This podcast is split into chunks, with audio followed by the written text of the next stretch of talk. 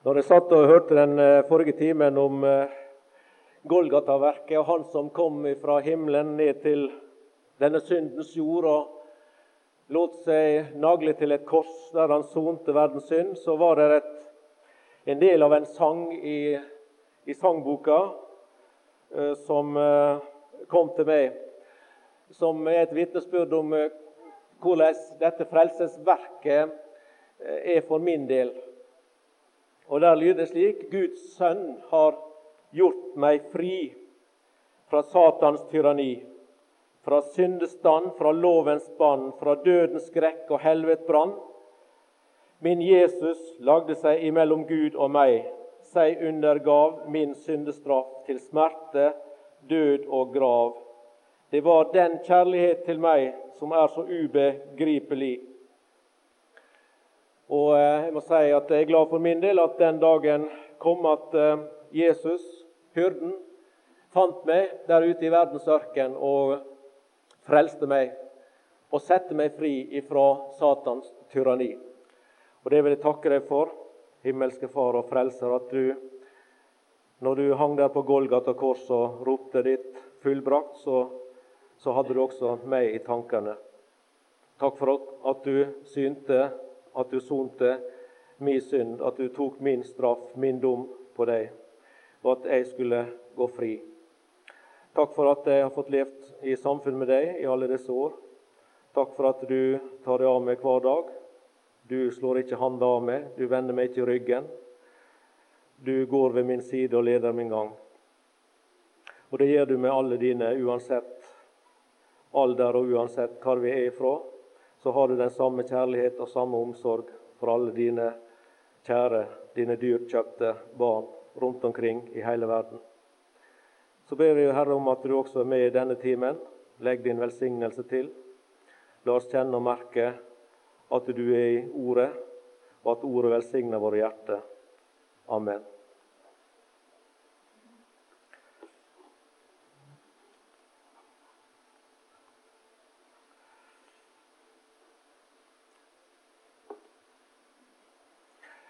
Det er vel ikke noe tid kanskje i, i, i tilværelsen i menneskesamfunnet som der vi mennesker på mange måter har vært så oppdelt i, i grupper og interesser som vi er i, vår tid.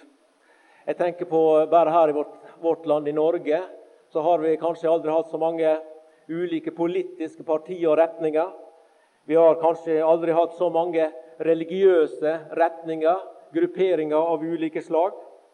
Og eh, hvis vi tenker på eh, de ulike etniske grupper som i dag bor i Norge, så er det mennesker fra alle verdensdeler, fra mange land i Europa, Asia, Afrika, som i dag lever og bor i, i, i Norge. Og alle har sin forskjellig, har sin bakgrunn, enten det er noe kulturelt eller sosialt eller hvordan det enn er. Så er det veldig mange oppdelinga i klasse og gruppe. Hvis vi går til Bibelen, så eh, tegner Bibelen på mange måter et mye enklere bilde for oss. Og eh, Der er en inndeling som jeg har sett på i, forbindelse med emnet mitt. Hva er menigheten? Som vi finner i 1. Korinterbrev 10 og vers 32. Som gjør det forholdsvis enkelt og greit for oss når vi skal se på hvordan Gud handler med mennesker, så eh, vet vi at eh, i mange tilfeller så refererer Bibelen nettopp til disse gruppene når det er snakk om Guds handlemåte med, med oss mennesker. Første Korinterbrev, det tiende kapittel og vers 32. Vær ikke til anstøt verken for jøder eller for grekere eller for Guds menighet. Eh, sagt med litt andre ord så kan vi si det at eh, Bibelen her oppdeler mennesker i tre kategorier. Og det er hedningene, altså de som ikke verken er jøder eller hører til Guds menighet. Og så har vi jødene og Guds menighet. Og Hvis vi ser litt eh, grovinndelt på det, ikke går i detaljer, så kan vi vel si det slik at ifra fra første Mosebok 1 og til og med beretninga om Babels tårn, som vi finner i kapittel 11, så handler det meste om menneskeslekta som sådan. Det var Gud handla med mennesker, med den, ska, den, skapning som han da hadde skapt. Og de mennesker som etter hvert eh, ble boende på jorda. Men hvis vi så ser i det ellevte verset der i første Mosebok, eller vi kan si i vers 10, der står det dette er historien om Sems ett. Da, da begynner det ei utskilling. Da blir det interesse reist og vakt mot ei bestemt ett. Og når vi leser da disse etterkommerne utover her, så ser vi at eh, vi ender da i vers 26. Der står det om Tara at han fikk sønnene Abraham, Nakor og Haran. Og Da er vi inne i det neste, neste folkegruppe som Gud da eh, grunnla ved Abraham, jødefolket. Og ifra, den, eh, ifra der da, utover Det gamle testamentets tid, og eh, også i eh, evangelia, kan vi vel si, så er det først og fremst jødene og jødefolket som er i sentrum for Guds interesse, og som vi også finner mest omtalt i Det gamle testamentet på Bibelens blad. Så skjer det en forandring i forbindelse med at eh, Jesus, han, som vi kjenner til, som Johannes uttrykker det, han kom til sitt eget, og hans egne tok ikke imot ham. Der skjedde en forandring der som vi eh, kan finne i Matteus 16. Der, er et ord som, der dukker opp et ord som da tilkjennegir hva Gud skulle interessere seg for videre i historia i en del hundre år, kanskje mange hundre år, og gjør det fremdeles. Matteus kapittel 16 og vers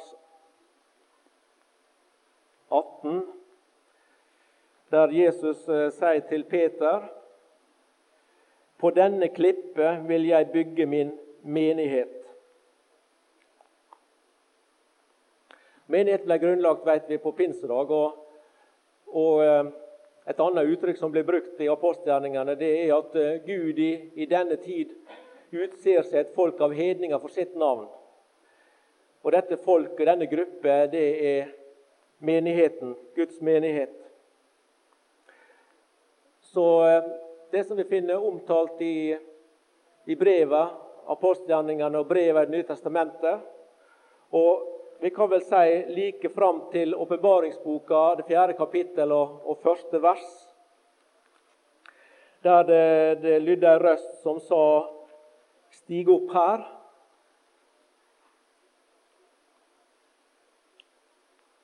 Deretter så jeg å se en dør var åpnet i himmelen, og den første røsten som jeg hadde hørt tale til meg, som et basun sa, 'Kom opp her, og jeg vil vise deg det som skal skje etter dette. Så ifra pinsedag og gjennom eh, brevet Det nye testamentet og de skriftene vi har, til og med her, så er det Kristi menighet, Guds menighet, Guds forsamling på jord, som først og fremst er i fokus og i sentrum i Guds program. Fra åpenbaringa 4.2 og utover til eh, i hvert fall til kapittel 19 og vers 21, så er det jøder og hedninger og den frafalne kristenhet som eh, fyller det profetiske bildet av det som da skjer på jorderik, mens eh, den kristne forsamling, Guds eh, menighet, Kristi legeme, bruden, er i den himmelske verden.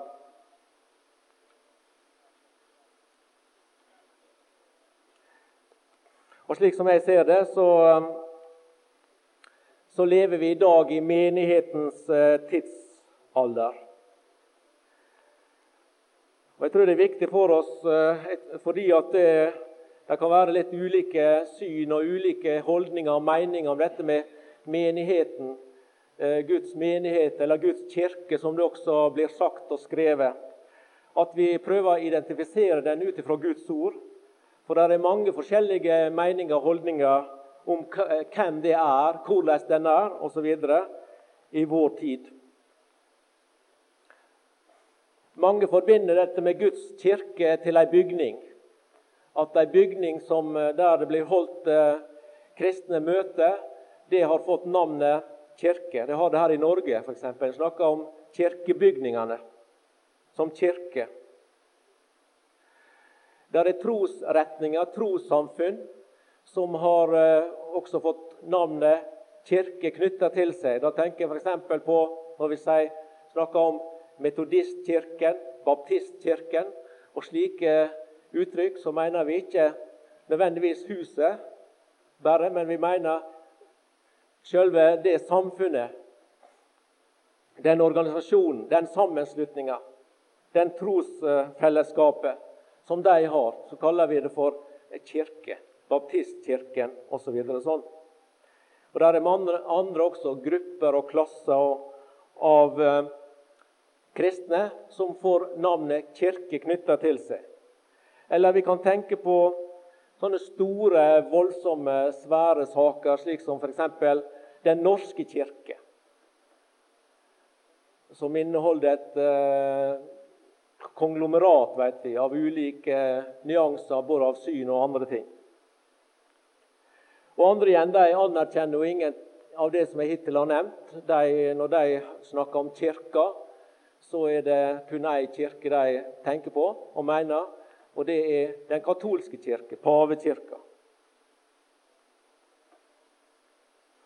Men eh, vi eh, bør gå til Skriften, til Guds uferbarlige ord, og prøve å finne ut der hva, hva er kirka for noe? Hva er menigheten for noe? Hvem er de?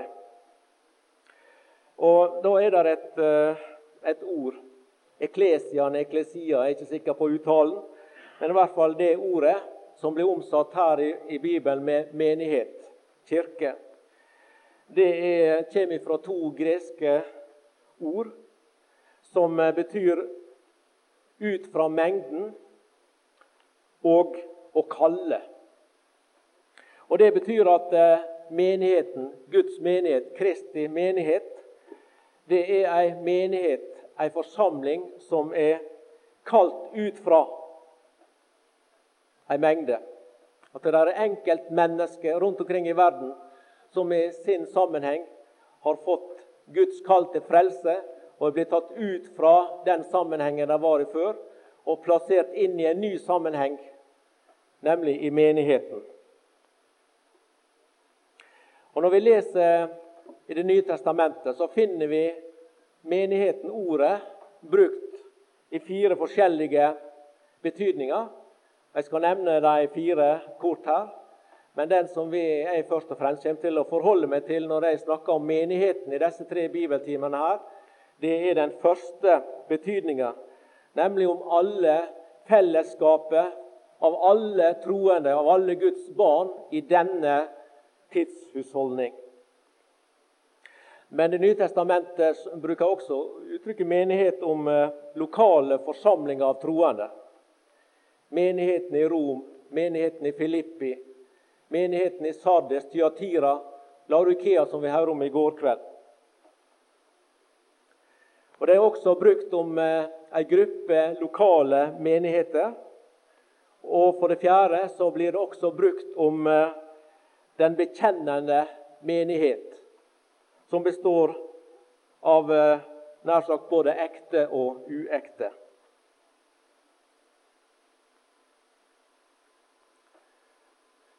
Videre så finner vi i Bibelen, og da i Det nye testamentet, fire forskjellige uttrykk som eh, blir brukt for å beskrive menigheten, menighetens tilblivelse, menighetens dannelse, menighetens utvikling og fullendelse. Og eh, De fire det er menigheten sett på som et broderskap. Det andre det er Kristi menighet sett på som et legeme. Det tredje er Kristi menighet sett på som en, bygning. Og det fjerde er Kristi menighet sett på som ei brud.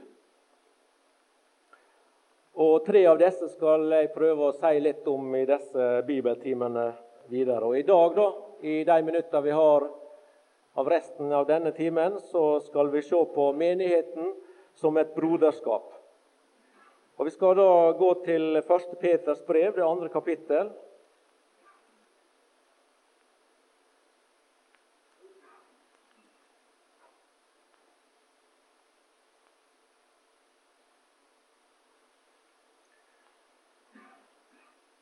Og der skal vi lese i vers 17.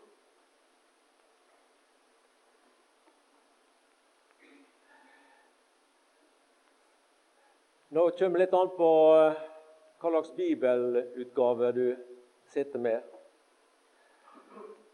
I 1930-oversettelsen der står det det uttrykket 'broderskapet'. Jeg skal lese Vis alle ære. Elsk broderskapet. Eh, I 88-bibelen eh, står der 'Elsk brødrene'. Og Jeg tok med meg dette, den nye King James-oversettelsen av Det nye testamentet. Og der står det slik Vis alle ære. Elsk brodersamfunnet. Og så står det stjerne. De troendes samfunn. Frykt Gud, vis kongen ære. Altså vis alle ære. Elsk broderskapet, brødrene, brodersamfunnet. Frykt Gud, er kongen. Og Dette med broderskapet og brødrene, det uttrykket brødrene, det bruker Paulus også veldig mye. og Jeg har notert meg f.eks. Romerbrevet 16.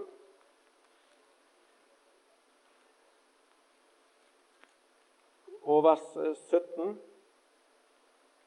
Romerbrevet 16 og vers 17, eh, første linja der. Men jeg formaner dere, brødre.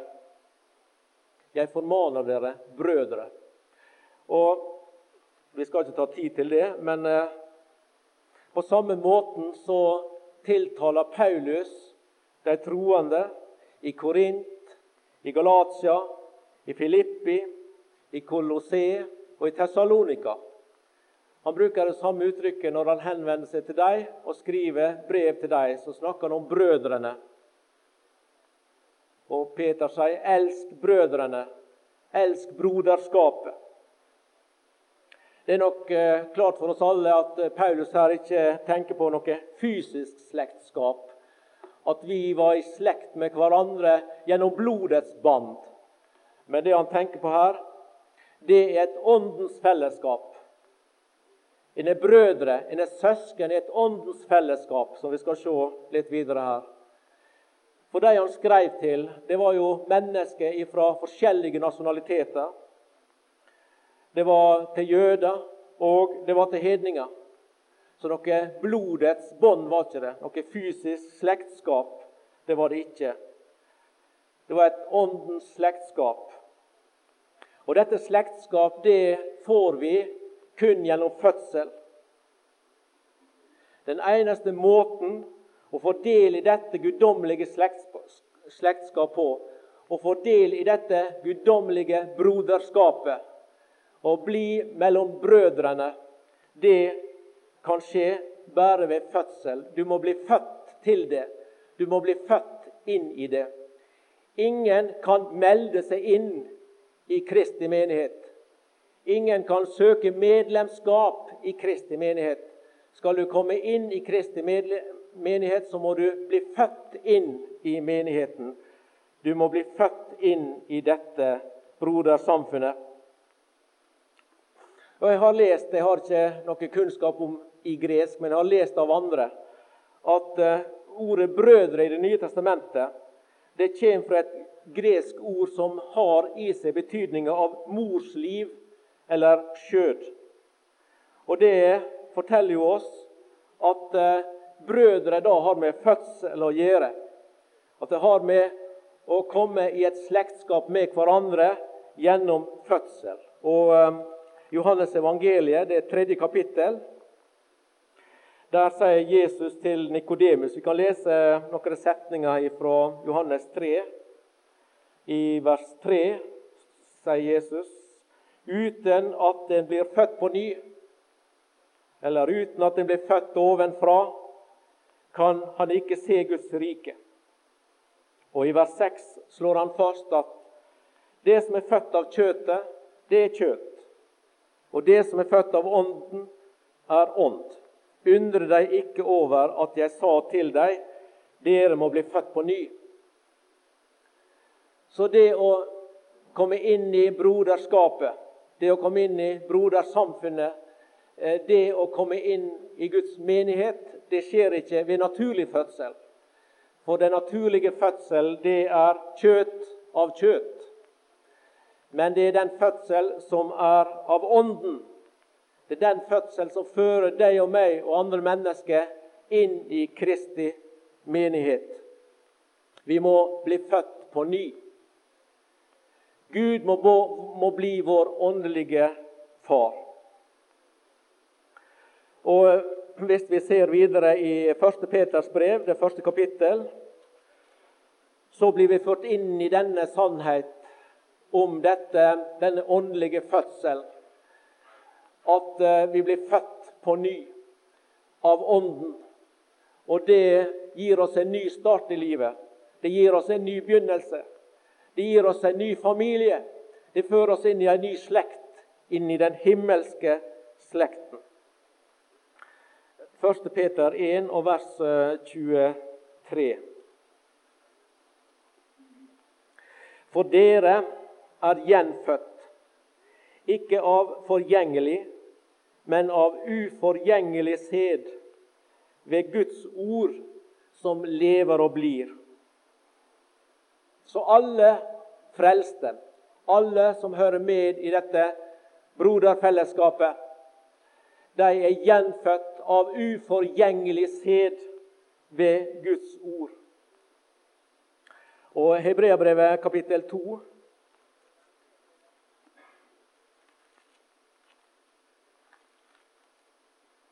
Hebreabrevet kapittel 2 og vers 11. Der sier forfatteren av Hebreabrevet for både Han som helliggjør, og de som blir helliggjort, er alle av én. Vi har felles opphav, Kristus og vi. Både Han som helliggjør, og vi som helliggjøres, er alle av én. Derfor skammer han seg ikke ved å kalle dem brødre. Du og jeg er blitt løfta inn i et nytt fellesskap. Vi er kommet inn i den himmelske slekten med Gud som vår far og Kristus som vår eldste bror. Vi skal komme litt til det i et annet bibelvers. Men vi er alle av én. Så Kristi menighet det er et broderskap som består av alle de som er blitt Guds barn ved trua på Jesus Kristus. Det finner vi sagt med rene og klare ord i Galaterbrevet 3. Skal lese det verset. Galaterbrevet 3 og vers 26. Alle er dere jo Guds barn ved troen på Kristus Jesus. Det er det som fører oss inn i Guds familie. Troen på Kristus Jesus. Gjenfødt av uforgjengelig sæd ved Guds ord. Vi er alle av én, og derfor skal man seg ikke over å kalle oss brødre. Og Tilbake igjen til Peters brev, hvis vi går til det andre brevet. Andre Peters brev og kapittel 1 og vers 4. Gjennom dette, altså det som står foran der, det er snakk om Hans guddommelige makt som har gitt oss alt som tjener til liv og gudsfrykt. Ved kunnskapen om Ham. Vi hører om dette viktige med kunnskapen om Gud i går kveld. Om kunnskapen, med kunnskapen om Han som har kalt oss ved sin egen herlighet og kraft, og gjennom dette har gitt oss de største og mest dyrebare løfter, med en hensikt, med et formål, med et mål, for at dere ved dem skulle få del i guddommelig natur. Få del i guddommelig natur. Alle er dere jo Guds barn ved troen på Kristus Jesus. Og gjennom Guds dyrebare løfte så har vi fått del i guddommelig natur. Vi er alle av én. Du og jeg og alle andre som er frelst, som hører Kristus til, som er gjenfødt som et Guds barn, vi er i et brorskapsforhold til den Herre Jesus Kristus. Romerbrevet kapittel 8. Romerbrevet kapittel 8 og vers 29.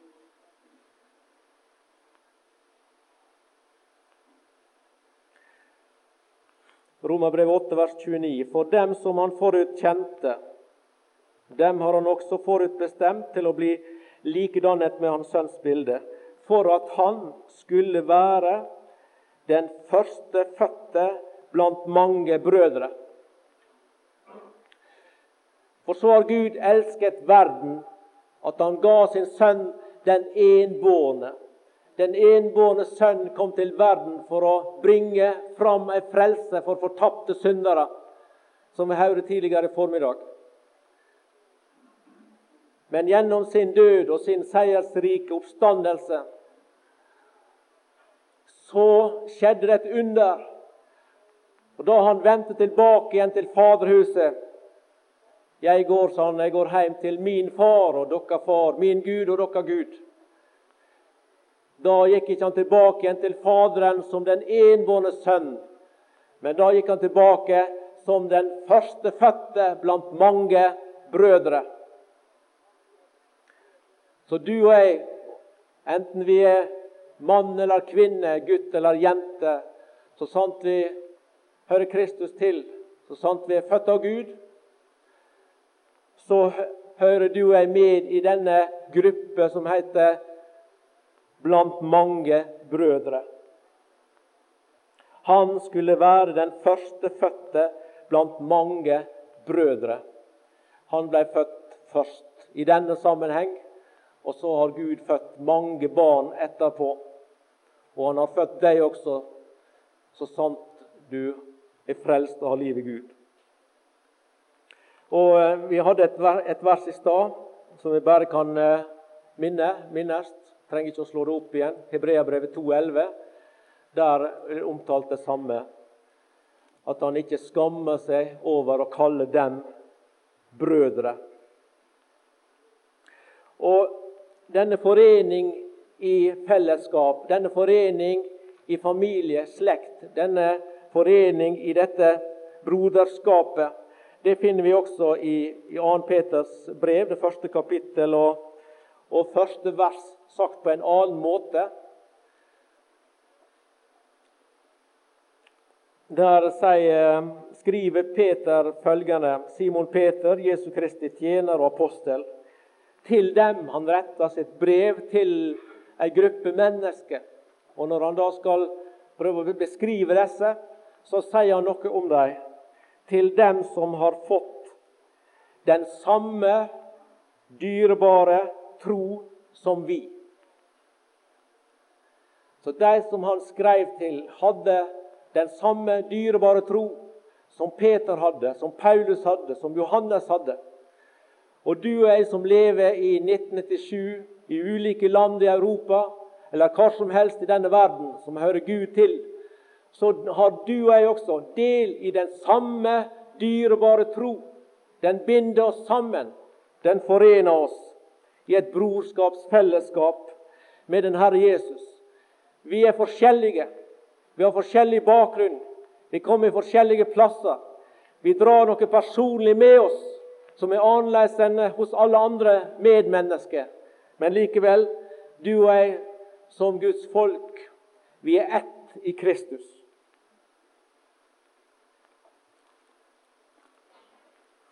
Og Videre så sier Det nye testamentet at vi er brødre, som Paulus brukte dette uttrykket han bruker, som også Peter her brukte. Elsk brødrene, eller broderskapet. Vi er brødre fordi vi er sønner av Gud. Efeserbrevet 1 og vers 5.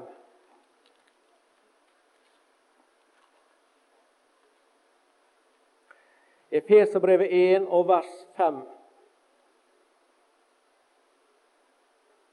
I kjærlighet har Han forutbestemt oss til å få sønnekår hos seg ved Jesus Kristus etter sin viljes frie råd.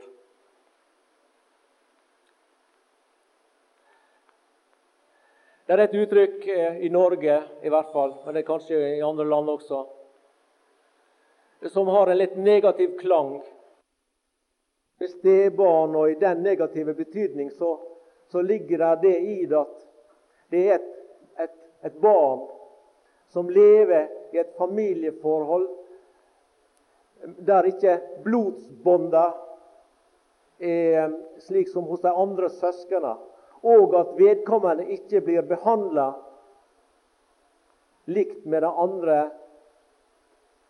ekte, for å si det slik, søsknene i familien. Slik skulle det jo ikke være. Men eh, vi har eksempel på det. Vi har vitnesbyrd av mennesker som etter de er blitt voksne, så kan de fortelle tilbake igjen til en barndom og ungdom der de opplevde akkurat dette i en familie. At de ble behandla som stebarn i ordets negative forstand.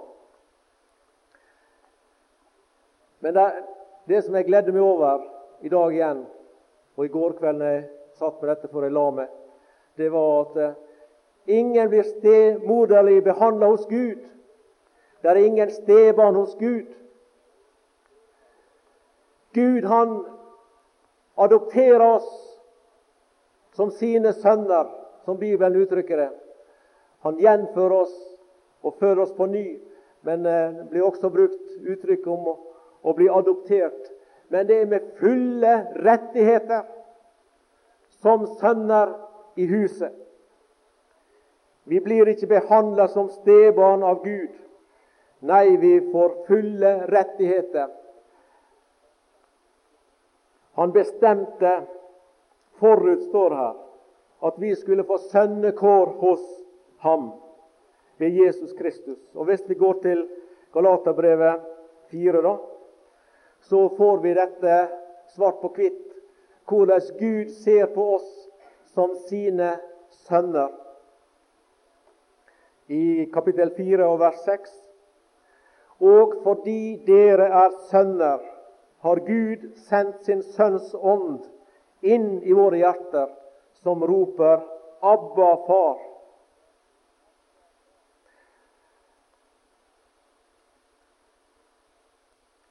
Fordi dere er sønner.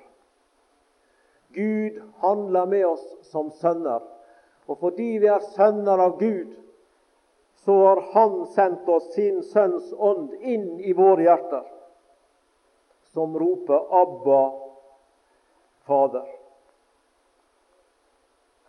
Og Vi skal også gå til Romerbrevet 8 igjen. Der er noen vers der som beskriver dette videre på en uh, veldig klar og fin måte i Romerbrevet, det åttende kapittel. Og jeg kan lese først vers 9. Men dere er ikke i kjødet, dere er i ånden, så sant Guds ånd bor i dere. Men om noen ikke har Kristi ånd, da hører han ikke Kristus til. Men når vi hører Kristus til, da er vi gjenfødt. Da er vi født av Gud. Og da er vi sønner, som Efeserbrevet 1 sa. Og fordi vi er sønner, så har Gud sendt sin Sønns ånd inn i våre hjerter, slik at Den hellige ånd, Guds Sønns ånd, bor i våre hjerter. Og Derfor så hører vi Kristus til, som Romerbrev 8 sier her. Så sant Guds ånd bor i dere. Og Guds ånd bor i oss fordi Gud har sendt Ånden inn i våre hjerter fordi vi er Hans sønner.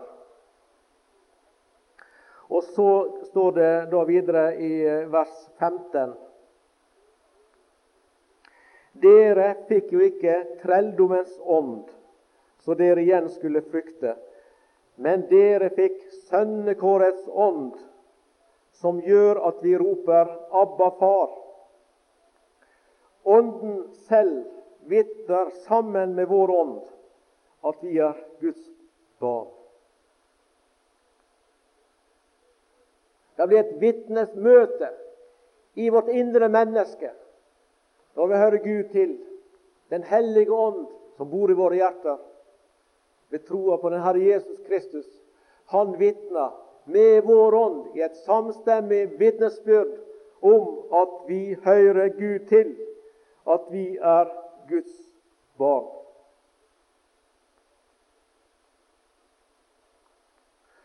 Og som sønner og døtre, men her blir jo brukt sønner i den betydning av alle Guds barn. Som sønner, som Guds barn, så er du ei garantert arvelodd. Vers 17 her i Romerbrevet 8. Men er vi barn, da er vi også arvinger. Vi er Guds arvinger og Kristi medarvinger. Så sant vi lider med ham, for at vi også skal herliggjøres med ham. Er vi barn, er vi sønner, da er vi også arvinger. Vi er arvinger. Vi er Guds arvinger, og vi er Kristi medarvinger.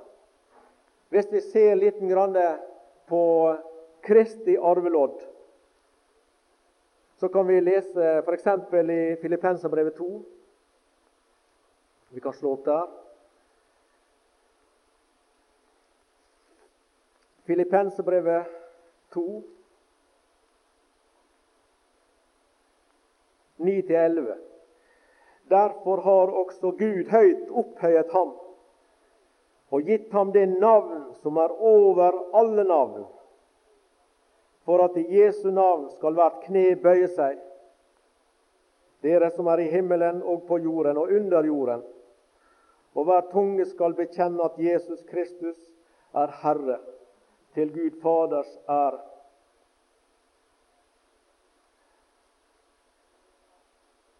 Han skal en dag vise seg som alles herre, også dere som har forkasta han her i tida, som har vendt han ryggen, sagt nei til hans nådekall.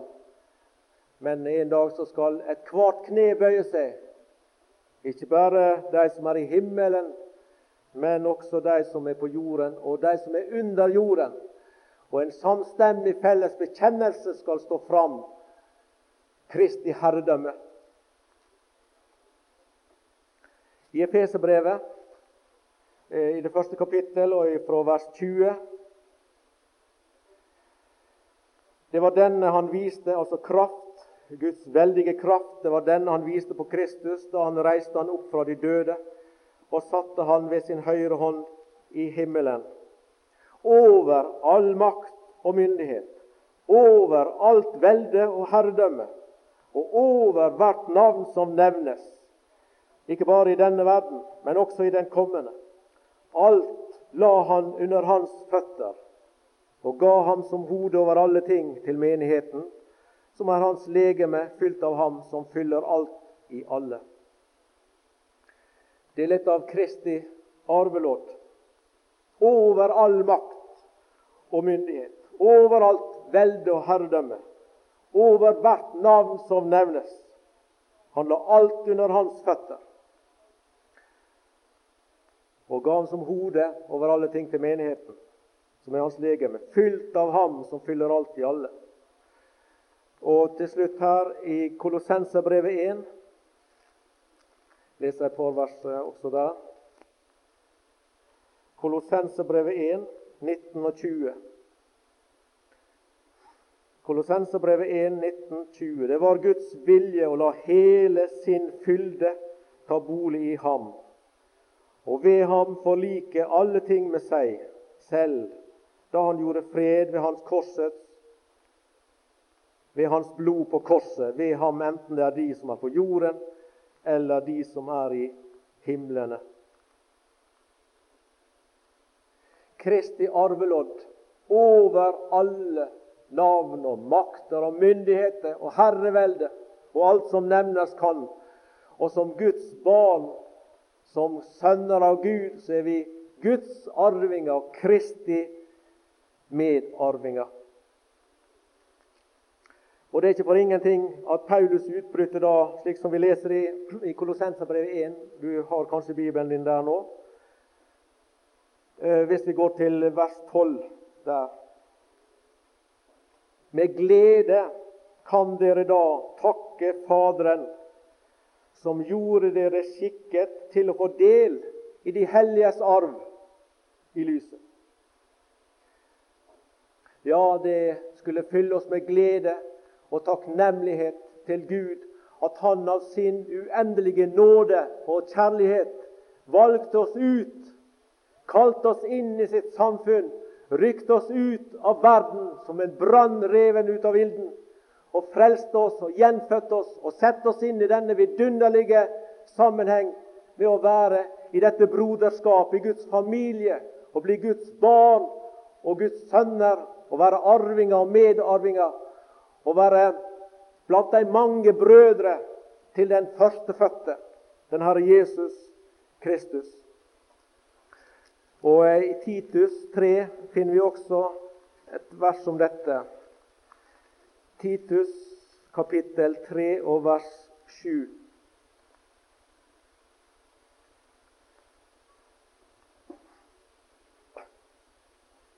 For at vi rettferdiggjort ved Hans nåde skulle bli arvinger til det evige liv som vi håper på.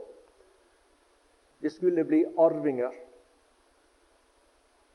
Rettferdiggjort av Hans nåde skulle vi bli arvinger. Og så at vi skulle med glede takke Faderen fordi Han har gjort oss skikka til å få del i de helliges arv i lyset. Og eh, til slutt i denne sammenheng 1. Korinterbrev 3. 1. Korinterbrev 3 og vers 21 og ut. 3.21. La derfor ingen rose seg av mennesker, for alt hører dere til. Enten det er Paulus eller Apollos eller Kefas enten det er verden eller liv eller død, enten det er det som nå er, eller det som komme skal. Alt hører dere til. Men dere hører Kristus til, og Kristus hører Gud til. Guds arving og Kristi medarving.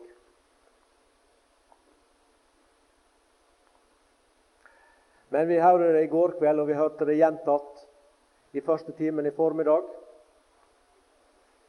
at alle disse våre rettigheter og alle disse privilegier som vi som Guds barn får nyte, får eie, får ha del i i dette åndelige broderskap, det medfører ansvar.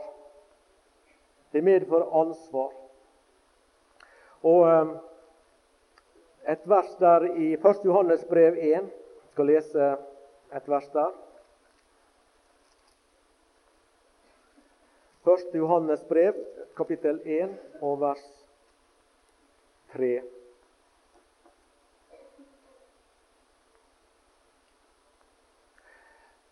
Det gjaldt for apostlene, men jeg tror vi kan vel si det, har, det gjelder for alle kristne, alle frelste, alle Guds barn til enhver tid, i enhver generasjon. Et ansvar som ligger på oss. Det som vi har sett og hørt, Det Gud har åpenbart oss, deg og meg, i sitt ord, det som du har fått gjennom lesning av ordet, gjennom å høre forkynnelsen av andre, bøker du har lest, ting du har lytta til, med utgangspunkt i ordet. Det som vi har sett og hørt, det forkynner vi for dere. Det lå et ansvar på Johannes og på apostlene som de følte at de ikke kunne holde tilbake. Og det var å dele med andre det de sjøl hadde fått. Det som vi har hørt og sett, det forkynner vi for dere.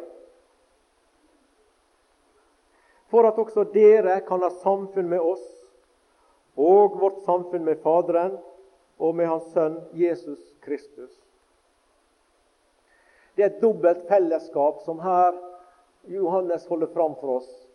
Det er et nær sagt horisontalt fellesskap, fellesskapet med Guds folk i denne verden. Med hverandre, som det står her. For at også dere kan ha samfunn med oss. For at vi kan ha samfunn med hverandre, vi som er her på Lundeneset denne veka fellesskapet, det åndens fellesskap retta mot vår Fader i himmelen og vår Frelser Jesus Kristus. Og vårt samfunn er med Faderen og med Hans Sønn Jesus Kristus. Det som gjør at du og jeg kan dele et åndens fellesskap her, når vi er her, det er at vi har det felles fellesskapet med Faderen og Sønnen. Det er det som binder deg og meg sammen i et gjensidig broderfellesskap mens vi er her. Det var det Johannes også sier. At det han hadde sett og hørt, det apostlene hadde sett og hørt, det forkynte de videre for at også dere og vi som er her, kan ha samfunn med deg og vi med hverandre. Og Det som gjør dette mulig, det er at du og jeg vi har samfunn med Faderen og med Hans Sønn Jesus Kristus. Hvis vi går til eh, kapittel 3 og vers 14, så blir dette ytterligere understreket, synes jeg. Vi vet at vi er gått over fra døden til livet fordi vi elsker brødrene. Den som ikke elsker, blir i døden. Fordi vi elsker brødrene. Våre holdninger i denne verden våre gjerninger i det praktiske liv, i hverdagslivet ditt og mitt. Det bør ikke bli bestemt av eller dirigert av verdens menneske eller verdens ånd eller det som hører verden til, eller vår gamle natur som bor i oss. Men det er den guddommelige natur, dette som gjør at vi elsker brødrene fellesskapet i den guddommelige natur som Gud har gitt oss ved trua på den Herre Jesus Kristus, som bor i oss, og som bor i alle troende overalt i denne verden. Det er den som burde bevege oss og være drivkraft og gi oss motiv for våre handlinger og vårt praktiske liv i denne verden, som vi også hørte så fint og alvorlig i går kveld. Vi er forløst i Kristi blod. Vi er rettferdiggjort ved Hans oppstandelse. Og Den hellige ånd bor i oss. Og vi har samfunn med hverandre og felles samfunn med Faderen og Sønnen. Du som lytter til i, i formiddag, er du med i dette broderskapet? Har du del i brodersamfunnet? Elsker du brødrene? Er du frelst? Har du fått del i den guddommelige natur. Der er Paulus snakker i Feserbrevet om at i sitt gamle liv sammen da han levde i denne verden, uten Gud og uten håp, så snakker, ga han et veldig alvorlig uttrykk der han bruker uttrykket 'vredens barn', like som de andre. Og Det er trist å, å si det, men det er sant at de mennesker som går inn i den evige verden uten Kristus, de som går inn i den evige verden uten å være frelst, uten å høre med i den himmelske slekten i Guds familie. På dem venter en åpenbarelse av Guds vrede. De går fortapt. Men heldigvis, evangeliet i dag, det er at du kan bli frelst. At ordet om korset er en kraft frelse for hver den som tror. Som Johannes sier i sitt evangelium, første kapittel. Alle dem som tok imot ham, dem ga han rett til å bli Guds barn. Dem som tror på hans navn.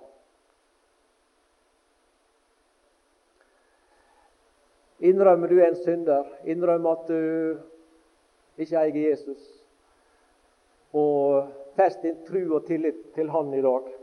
Jesus sa det i en sammenheng det er ikke de friske som trenger lege, det er de som har det vondt.